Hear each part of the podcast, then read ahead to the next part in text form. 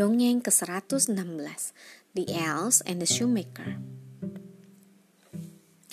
Once upon a time, there lived a shoemaker who became very poor.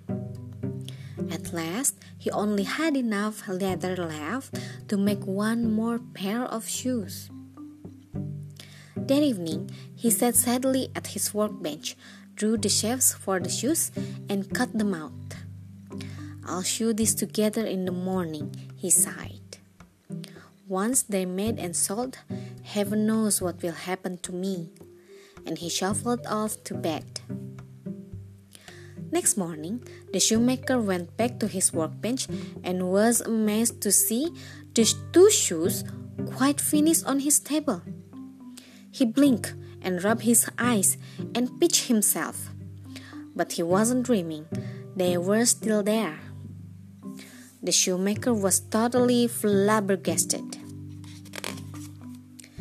He reached out nervously and picked up the shoes. Very carefully, he turned them over in his hands. They were so neatly made that he could hardly see the stitches. They were the most beautiful pair of shoes that he had ever seen. The shoemaker sighed and scratched his head. Then he put the shoes in his window and opened up the shop, feeling totally bewildered.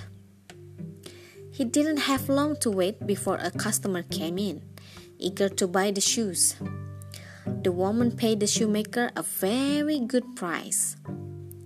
The shoemaker couldn't believe his luck. Now he had the money to buy, to buy enough leather for two more pair of shoes.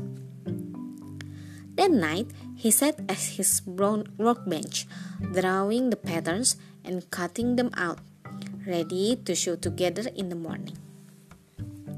But when the shoemaker woke up, to his astonishment, there the shoes were already made, and every bit as fine as the pair the day before.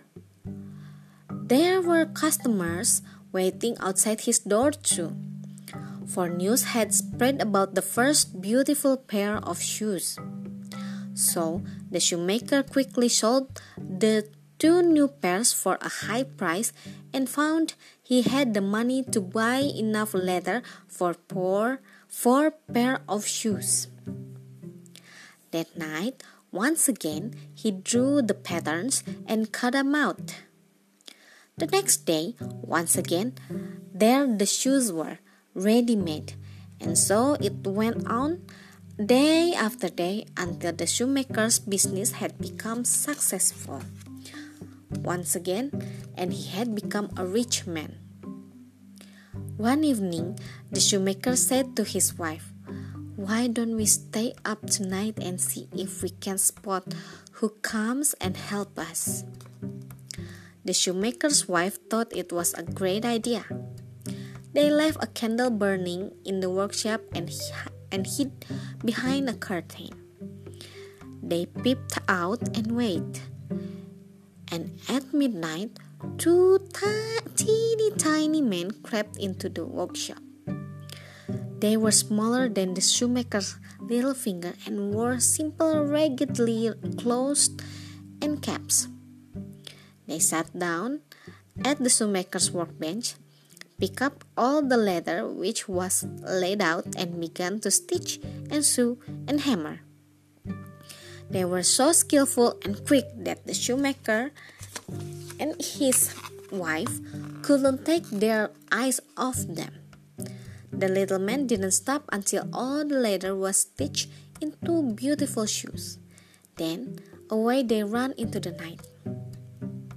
The next morning, the shoemaker's wife said, those little men have made us rich, and we really must thank them for it. Did you notice how tatty their clothes were? I tell I tell you what we should do. I'll show them new little shirt and coats and vest and trousers, and you make them two tiny pairs of shoes. So that is what they did. A few nights later, when everything was ready, they laid their presents out on the workbench and hid behind the curtain. At midnight, The teeny tiny men came creeping in as usual, and how happy they were to find their new outfits. They hurried to, to put them on at once. Then they danced about with glee. Then the two little men skipped away into the night, and the shoemaker and his wife never saw them again. But they didn't need them anyway, because from then on they always seemed to have a good luck in all that they did. Sekian, terima kasih telah mendengarkan. Selamat malam.